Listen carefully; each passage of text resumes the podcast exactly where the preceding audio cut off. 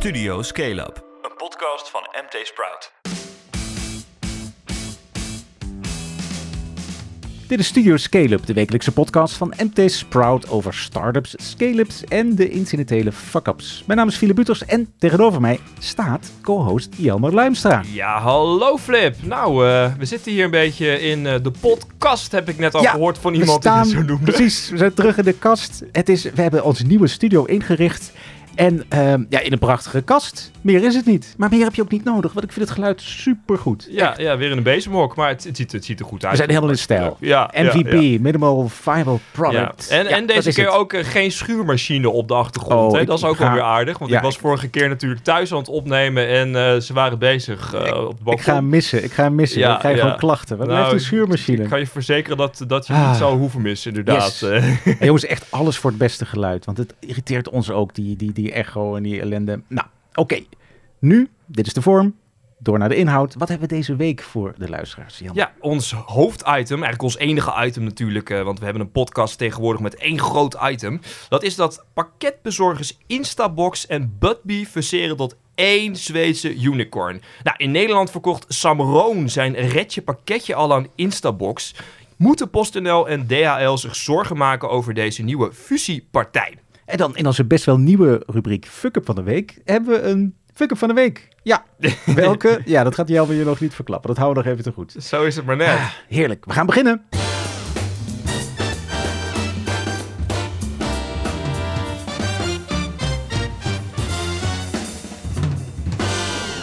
Maar eerst even korter dan ooit, de laatste buzz over startups en scale-ups.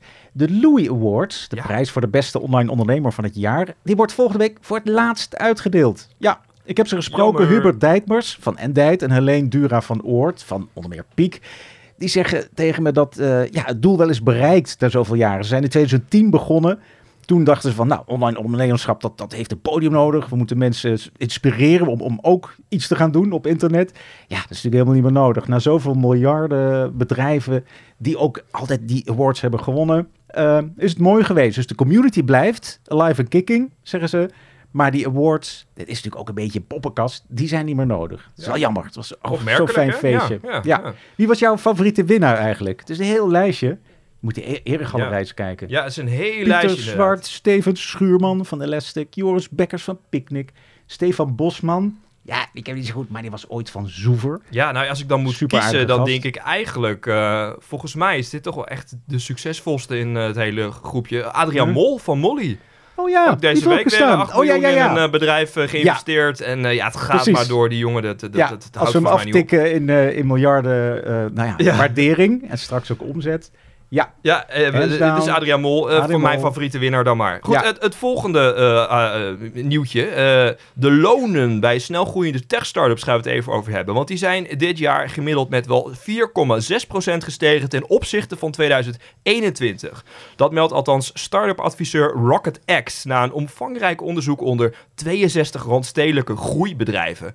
Ja, met name salesstijgers en recruiters die krijgen forse loonsverhogingen omdat er veel vraag is naar hun werk. Junior sales, saleslui die eisen soms wel 6000 euro aan salaris. Nou kun je het je voorstellen, Flip. Dan ga je net Jeetje. beginnen met werken en, en dan is krijg dan je al basis. 6000 euro. Oké, dat is ook zonder bonus en toeters en bellen. Ja, precies. Ja. Ja, ja. Het gemiddelde valt eigenlijk best wel mee. Als ik volgend jaar conducteur word, dan krijg ik al meer eh, geld erbij. erbij. Misschien is dat dan wel een hele slimme carrière. Maar geen 6000 euro. God.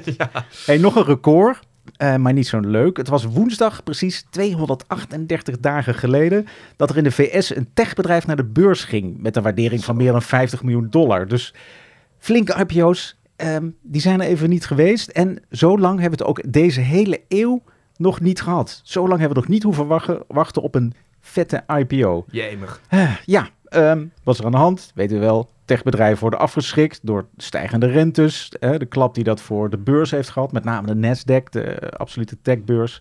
Dus ehm, jongens, hopen op betere tijden. Ja. En eh, doen we nog een, een geldrondje trouwens? Ja, opnieuw weer eens even een hele kleine. het eh, allereerste is anderhalf miljoen. Zoveel haalt het Eindhovense Alpha Beats op bij investeerders. Nou, wat doet Alpha Beats? Dat eh, bedrijf ontwikkelde een technologie waarbij eh, ja, je met, met muziek de hersenen van topsporters kan trainen. Het idee is dat topsporters door de juiste klanken te horen nog beter kunnen presteren. Nou, ik vind het allemaal abracadabra, maar eh, investeerders hebben er blijkbaar echt wel vertrouwen in. En ik wil zo snel mogelijk een variant voor, nou ja, wat, wat zijn wij? Schermwerkers, intellectuelen, denkers, ja, ik wil ook met creatieven. slimmer worden. Ja. ja. Dan Birgit Dekkers en Ernst Bril, die hebben 6 miljoen euro opgehaald voor Rival Foods. Dat is een spin-off van de Universiteit Wageningen, waarmee ze echt next-gen vleesvervangers ontwikkelen. Dus zij plooien en breien met, met eiwitten, plantaardige eiwitten, maar zo erg dat zij nu al claimen dat ze gewoon beter smaken, betere bite hebben en gezonder zijn dan alles wat er nu op de markt is aan eh, vleesvervangers. Ja, dat vind ik wel erg interessant. interessant. We hebben nog Instant Commerce, of Instant Commerce moet ik eigenlijk zeggen. Het platform waarmee Sam en Koen van Hees je flexibele webshops laten bouwen. Nou, dat bedrijf heeft 5,4 miljoen euro opgehaald. Dat is dan eh, van HV Capital, Hearst Ventures en ook eh, ja, de bestaande investeerder First Minute Capital. Ja, ik zal hem even in de show notes doen. Sam en Koen, eh, met name, volgens mij is Sam de jongste, die heeft nog net de 5025 gehaald dit jaar met Instant Commerce. Dat is toch fantastisch? ja, en dan zo'n bedrag ophalen. dit en de, de meter staat al op 7,5 miljoen. Ze zijn dit jaar pas live gegaan. Nou ja, headless commerce, dat is een beetje het eh, toverwoord. Dat gaat nog groot worden. Hoppa. Ah, fijn. Oké, door naar het main topic. Retro Pakketje is the Dutch superstar of same day delivery. King Willem Alexander of Parcel Palace. If you order something you desperately need before 2 p.m., Retro Pakketje will make sure you will receive it the exact same day. And they're also the fastest growing carrier in the Dutch game. We got you. Sam Roon, de oprichter van pakketbezorger Retje Pakketje, die verkocht vorig jaar de tent aan het Zweedse Instabox. Vorige week maakte hij bekend dat hij daar vertrekt. Een mooi ritje voor de koerier zou je zeggen. Tot deze week het nieuws kwam dat Instabox gaat fuseren met Budbee, die andere Zweedse branchegenoot die ook actief is in Nederland. Dat kan geen toeval zijn, zou je denken. En eh, wat betekent die nieuwe Zweedse unicorn eigenlijk voor de Nederlandse pakketmarkt? Nou, Flip, ja, het, het lijkt er soms wel op dat we een logistieke Ja, podcast sorry, zijn. Hè? Want vorige Ja. week natuurlijk de flitsbezorgers. En nu eh, een fenomeen dat zich ook wel laat omschrijven als last mile delivery. Ja. Eh, goed, jij sprak eh, Sam over zijn vertrek en ook over die fusie. Ik zou zeggen, dat heeft, was, was het een en ander met elkaar te maken. Ja, nou, dat was het gekke. Dus vorige week heeft hij op zijn LinkedIn gezegd, ik, ik, ik vertrek, ga wat anders doen. Eh, dus ik ben meteen benieuwd, ehm, wat, heb je, wat heb je geleerd? Wat is er gebeurd? Wa- waarom vertrek je? Hoe, hoe kijk je er tegenaan? Dus ik had al een interviewafspraak met hem, maar tussendoor kwam ineens die fusie. En Hmm. ik heb hem gisteren gesproken en hij, nou, hij zweert niet, maar hij zegt van nee, ik heb er langer vandaag gedacht, over gesproken met de CEO, Alexis Priftis, dat is de oprichter van Instabox. En eigenlijk een week nadat we eruit waren, dus een week nadat ik zei van oké, ik vertrek 17 oktober, kwam die fusie ineens eh, op de proppen. Die Ja. deal met Budbee. Dat is dus hij, opvallend. Eh, Ja. Hij zegt, hij heeft natuurlijk wel zijn bedrijf vorig jaar in mei verkocht hè, aan de Ja. Zweden. Hij runt nu hun business in de Benelux. ja, precies. Het is opvallend, hè? Dan weet je niks over de verkoop of Ja. over de fusieplannen. Dat, dat gaat geloof je toch haast niet? Nou, volgens mij, hij komt echt heel, heel oprecht over. En hij zegt zelf juist, er is wel een verband en misschien is het ook goed dat hij daar aan weggaat. Want hij zegt, Ja. eh, ik wilde aanblijven omdat het me echt een super spannend en leerzaam onderdeel eh, leek van mijn carrière. Hè, werken bij een unicorn, waar het over veel meer funding gaat, waar je grotere M&A-deals doet, internationaal, grote schaal. Super. En hij zei van ja, ik mocht als aandeelhouder wel meepraten, maar ik zat niet echt aan de knoppen. Dus en hij zegt, daar baalde ik van. Uiteindelijk je bent ondernemer, als het niet je eigen toko is, dat in the end Alexis de, de knopen doorhakt, daar ging hij toch van balen. Dat was zo rond de zomer. Ja. En nu blijkt dus inderdaad, ja, zo'n fusie, dat wordt hem ook maar medegedeeld. Natuurlijk wel als een van de eerste medewerkers, maar je, je zit dus niet aan de knoppen. Dus ik denk achteraf dat dit een bevestiging is van, oké Sam, tijd om te gaan. Ja, nou, die kan het, kan het natuurlijk ook uitgaan, ja. Eh, goed, dat Retje Pakketje, dat is dus een naam die we in feite nu kunnen vergeten. Ja, hè, want het is jammer. natuurlijk vervangen in de loop van vorig jaar ergens door Instabox. Ik zou eens willen weten, wat is dat Instabox nou precies voor een, voor een bedrijf, voor een tent? Ja, in Nederland. Hè? Het is dus nu een combinatie. Eh, als je naar Instabox gaat, red je pakketjes helemaal onder het tapijt eh, geschoven. Jammer, jammer. Dus sinds anderhalf jaar is dat dus Sams oorspronkelijke bedrijf. Dat rijdt met 6, 7, 800 busjes en eigen personeel zo uitstootvrij mogelijk. Heel duurzaam die last mile. Dus het is gewoon pakketjes naar mensen thuis rijden. Vanuit distributiecentra, vanuit winkels. En dezelfde dag, same day delivery, ook zo'n kreet. Dat eh, lukt ze ook eh, meestal. En Instabox, dat zet er vooral in op pakketkluizen. En dat heeft eigenlijk die overname van Retje Pakketje gebruikt om in Nederland ook aan de slag te gaan. Dus die Mhm. bouwt als een razende lockers. En de combinatie is dus lockers en rijden. Dus je kunt eigenlijk kiezen bij Instabox, ook als webshophouder. Wil ik eh, de spullen thuis laten brengen of wil ik mensen naar een kluisje laten gaan om het op te halen? Nou ja, je geeft het liefst eh, je consumenten de keus. En de grap is dat dat Budbee, dus je concurrent van Instabox, die is er al sinds 2019. Die is zelf naar Nederland gegaan Mhm. en die concentreert zich helemaal op pakketkluizen. Maar de combinatie is dus mooi. Dus Roon rijdt uitstootvrij, wilde die eind dit jaar. Dat is hem Mhm. net niet gelukt. Dus Mhm. van die busjes rijdt 30% elektrisch. De rest rijdt op HVO, dat is soms zo'n biodiesel. Ehm, die rijden dus als een razende rond. En die busjes rijden dus nu ook deels langs een stuk of 500 pakketkluisjes. Bij Basic Fit staan ze. Bij de Albert Heijn loopt een proef. Sinds kort eh, gaan ze ook met Plus beginnen. Hmm. Ehm, Ja, Ja. dat is interessant.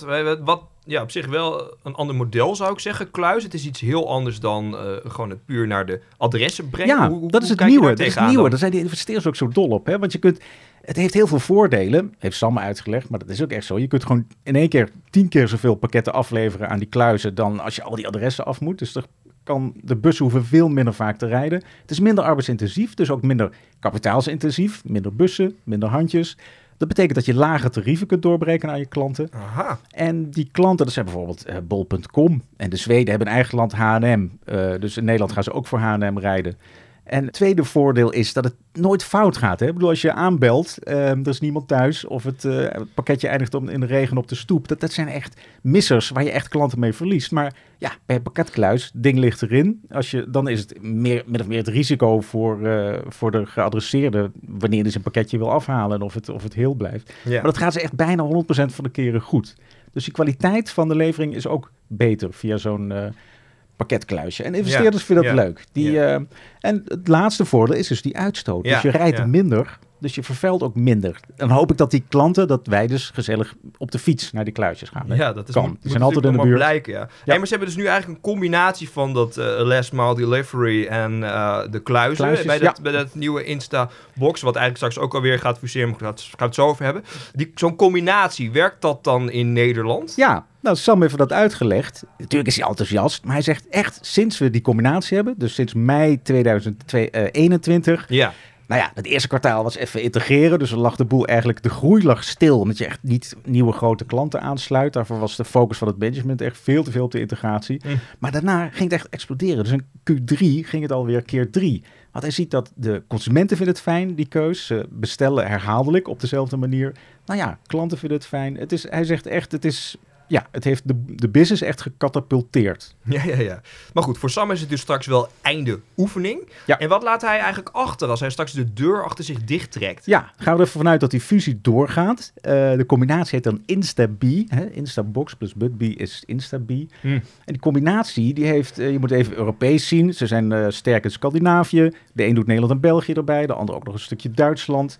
Ehm, die combinatie is een bedrijf met een waarde van 1 miljard. Daar werd Instabox op geprikt. Budbee is, zou 700 miljoen waard zijn op basis van zijn laatste financieringsronde. eh fundingronde natuurlijk. Dus samen ruimschoots een unicorn, 1,7 miljard waarde. Budbee is iets later opgericht, 2016, door Frederick Hamilton. Die is dus iets eerder begonnen met rijden en daarna pas eh, op die kluisjes overgestapt. Nou ja, ze zijn dus Europees vrij sterk. De omzet valt eigenlijk best mee. Budbee 2021 80 miljoen, Instabox 65 miljoen, dus qua omzet wat kleiner. Mhm. En er zit dan een miljoen of twintig van Sam bij, van het oorspronkelijke Retje pakketje. Ja, dus ze zijn nog niet huge. Maar goed, we hebben dus nu wel eigenlijk een nieuwe unicorn op de Nederlandse markt. Die ook nog eens vernieuwend bezorgt. Ja. En ik vraag me En ook groeit, af, moet- en Oeh, groeit. Moeten de, de 300%. PostNL's en de DHL's nu gaan zweten? Moeten Ja. ze zich zorgen maken? Weet je, of valt dat wel wat mee? Ja, kijk, ze groeien 300%. Dat zegt vaak ook iets over de niveaus van waaraf je groeit. Hè. Het is niet dat ze van een miljard naar, eh, naar 4 miljard gaan. Ja. Maar ja, ze zijn wel de darlings van die investeerderscommunity. Instabox, die haalde afgelopen april nog 175 miljoen op. Budbee, niks. 38 miljoen in mei. Mm. Nou, toch niet het beste kwartaal om geld op te halen. Maar nee, de investeerders geloven er echt nog in. En ze maken het consumenten ook echt graag naar de zin. Hè. Ze hameren erop, wij denken vanuit de consument. Eh, we bezorgen als ze thuis zijn. Dus niet 's ochtends vroeg, dan ze zijn er niet, kom het maar ergens halen, het pakje. Nee, laat in de middag, 's avonds, zelfs zaterdag. Tot, eh, tot half elf kunnen ze zelfs aanbellen als je dat zou willen. Zo. Dus, en de tarieven, vooral die van Sams basis van Instabox, die zijn ook scherper. Ik denk dat ze allebei nog wel onder die tarieven van de grote broers eh, en zusters kunnen duiken. Oeh, wordt het toch spannend. Ja, en ze groeien snel, dus het aantal kluisjes valt nu nog mee. Budbee had er iets van 500, 600. Eh, Instabox ook hetzelfde aantal. Nou, ze willen allebei, ze prognosticeren echt duizenden kluisjes eh, eind 2023. Want het aantal kluisjes per 100.000 Nederlanders schijnt echt heel, heel laag te zijn. Ja, de, het, bestaat, het fenomeen bestaat pas anderhalf jaar, moet er echt aan wennen. Ja. Maar ja, hoe erg moeten die grote partijen ze weten? Nou, ze zijn ook wel heel groot. Je hebt PostNL, die heeft een marktaandeel van 55% Voor het laatste rapport van ACM, de toezichthouder. Zo. Ehm, DHL is dik nummer 2, 30, 35 procent. Dan daarna GLS, TNT, maar die doen allemaal niet, hè, dat zijn niet die pure last mile eh, spelers. En dat clubje, ja, is een soort restcategorie 2021. Budbee, Trunkers, Fietscouriers, Instabox, Specs, Dynalogic. Nou, samen zijn die goed voor 6% van de markt. Dus dat, dat lijkt heel weinig. maar het is ja. nog een markt, hè? 2021 zijn er 654 miljoen pakketten verstuurd, binnenlands. Echt meer dan driekwart als B2C. Dus dat gaat naar mensen thuis. En die omzet, 2021 is natuurlijk een corona-effect, die is echt met 40% eh, gestegen. Dus er is, die markt groeide toen nog. Het zal nog iets doorgroeien. De, ja, die waanzinnige groei is eruit. Maar ja, je zou zeggen, er is genoeg ruimte voor groei. Maar goed, 6% is natuurlijk nog niet echt heel veel. Dus Voor iedereen samen. eh, Nee, het- nee. Het valt ook nog wel enigszins mee. Even terug naar eh, Sam, hè? want weet je eigenlijk al wat hij gaat doen? Heeft, zei hij dat tegen je? Nee, hij weet het zelf nog niet. Nee, dat geloof ik echt. Hij heeft dus natuurlijk, natuurlijk heel, heel keihard gewerkt aan Redje Pakketje. Hij zegt, Ja. ik heb mezelf elke drie tot zes maanden opnieuw moeten uitvinden. Hij is meegegroeid met, met zijn bedrijf. Dat is echt een mooi verhaal. Ik zet het in de show notes, een interview met hem, waarin hij ook wat tips geeft over hoe groei je mee als ondernemer met je bedrijf. Nou, zo hard gewerkt. Daarvoor had hij al Joyland, dat is een webshop in maaltijdshakes. Nou, omdat hij daar die, die, eh, die belevering ging daar ook eh, altijd mis. Dus vanuit die frustraties en met Redje Pakketje begonnen. Hij heeft die twee bedrijven een tijdje naast elkaar in de lucht gehouden. Maar ja, dat leidde tot een burn-out, zei hij. Dus hij is gekapt met die dubbele rol. Dus Zo. bij Joyland heeft hij toen een exit gemaakt. Maar ja, daarna vijf, zes jaar lang gebuffeld met Redje Pakketje. Dus hij heeft wel wat rust verdiend. Nou, hij heeft een jong gezinnetje, dus hij kan niet meteen op wereldreizen. Zegt de komende maanden gewoon met mijn gezin. Ik denk de, de, de, de, de oudste naar school brengen. Met kerst wel een mooi reisje. En, eh, en hij heeft ideeën zat, zegt hij. Dus Ja. hij, hij noteert ze in zijn telefoon, in de, in de notitie. En dan eh, idee, dubbele punt. En dan kan hij ze goed terugvinden. Sommige werkt hij uit, zei hij, heel grappig. Maakt hij spreadsheets met cijfers van wat is er nodig om dit te laten Is er slagen. al iets van een idee of zo? En een richting, zegt hij van ja, het moet wel impact worden. Want vergeet niet, met Redje Pakketje was het altijd van... we willen uitstootvrije eh, bezorger worden. De Mm. eerste uitstootvrije courier. Bijna, bijna heeft hij dat voor elkaar. De Ja. uitstoot is dit jaar 90% later, lager dan vorig jaar. Maar goed, dus het wordt iets met impact. En dan grapten ze van, nou, rond de energie is wel vast business te doen. Daar Ja. zou wel eens wat in kunnen zitten. Maar Ja, goed, ik eh, verwacht van jou in januari dus een, eh, een mooi verhaal over de nieuwe Ja. start-up van Sam Roon. Ja, Redje Kroketje of zo. Ja, een ja, vegan precies. start-up. Ja. Ja. Nou ja, Oh ja. Maar goed, we hebben ook een eh fuck-up ja van de week. eindelijk. Ja. Maurice, Maurice, kom nog in met je fijne jingle.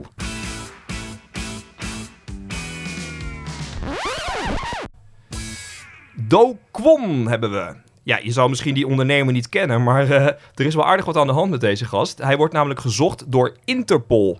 Tja, en dat is natuurlijk ook niet iets waar je als ondernemer van droomt. Nou, ik zal eens even uitleggen wat er aan de hand is.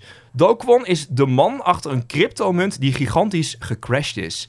Ja, deze munt, dat is de Luna-munt. Dat is een stablecoin. Wat is een stablecoin? Een stablecoin is een cryptomunt die in tegenstelling tot andere cryptovaluta een stabiele koers zou moeten hebben, omdat de munt de koers van de dollar volgt. Ja, in mei dit jaar begon de munt opeens te wankelen en verloor Luna 99% van zijn waarde. 40 miljard dollar is niet niks, dat verdween als sneeuw voor de zon. Vervolgens wilde Do Kwon niet meewerken aan een onderzoek. Hij wordt er nu van beschuldigd bergen met geld in zijn eigen zak te hebben gestoken, zelfs voordat de koers instortte. En Zuid-Korea, het land waar Do Kwon zelf ook vandaan komt, die wil wel eens weten wat de rol van meneer Kwon nu precies is geweest. Het land laat dan ook een arrestatiebevel tegen hem uitgaan. Ze hebben alleen één probleem, en dat is dat Do Kwon nergens te vinden is. Hij lijkt op de vlucht te zijn en ja, Zuid-Korea heeft daarom Interpol gevraagd om hem op te speuren. Via Twitter laat Do Kwon alleen zelf weten niet op de vlucht te zijn en ook niets te verbergen te hebben. Hij wil zelfs zijn locatie delen met vrienden als die meedoen aan een, zo zegt hij dan, op GPS gebaseerd Web3-spel. Nou, Do Kwon die wil dus spelletjes blijven spelen terwijl Interpol achter hem aan zit. Het lijkt erop dat hij niet helemaal de ernst van de zaak inziet. Uh, zijn investeerders, zou ik zeggen, die verdienen een antwoord, want die zijn behoorlijk wat gedupeerd. Dus uh, Do Kwon, uh, ik zou zeggen, op naar Zuid-Korea en geef openheid van zaken. Want zoals het nu gaat, is dit toch echt wel een super, mega, nee, misschien zelfs giga fuck-up. Ja, en als u Do Kwon ziet of u kent zijn verblijfplaats, stelt u zich dan in verbinding met de politie in uw woonplaats. Dit was Studio Scale-up aflevering 59. We hopen dat hij je bevalt. Vergeet je dus niet te abonneren op Spotify of je favoriete podcast app. En voor feedback of schaamteloze zelfpromotie, philip.mtsprout.nl. Ah, Jelmer, bedankt dat je in de kast bent gekropen met, met de echte podcast. Ja. Heb je nog een famous last words voordat de zuurstof weer op is? Ja, nou, nog, nog wel inderdaad. Ik heb begrepen dat de Podcast Awards ook weer uh, Oh ja. bezig zijn. Ja, en ja. ja. ja, toch maar eens even aanvragen. Hè? Jongens, eh, je kunt nu stemmen, dus eh, doe dat. Doe dat op voor ons. een nominatie, hè? De En- Dutch Podcast Awards. We zetten een linkje in de show notes. ja, dus, de eh, URL is ook super makkelijk. Podcastawards.nl Ja, Zo makkelijk kan het ja, zijn. in de categorie business, de winner. Nou oké, eh, het beste runner-up ga ik voor. Eh, Oké, stem op ons. En tot de volgende keer.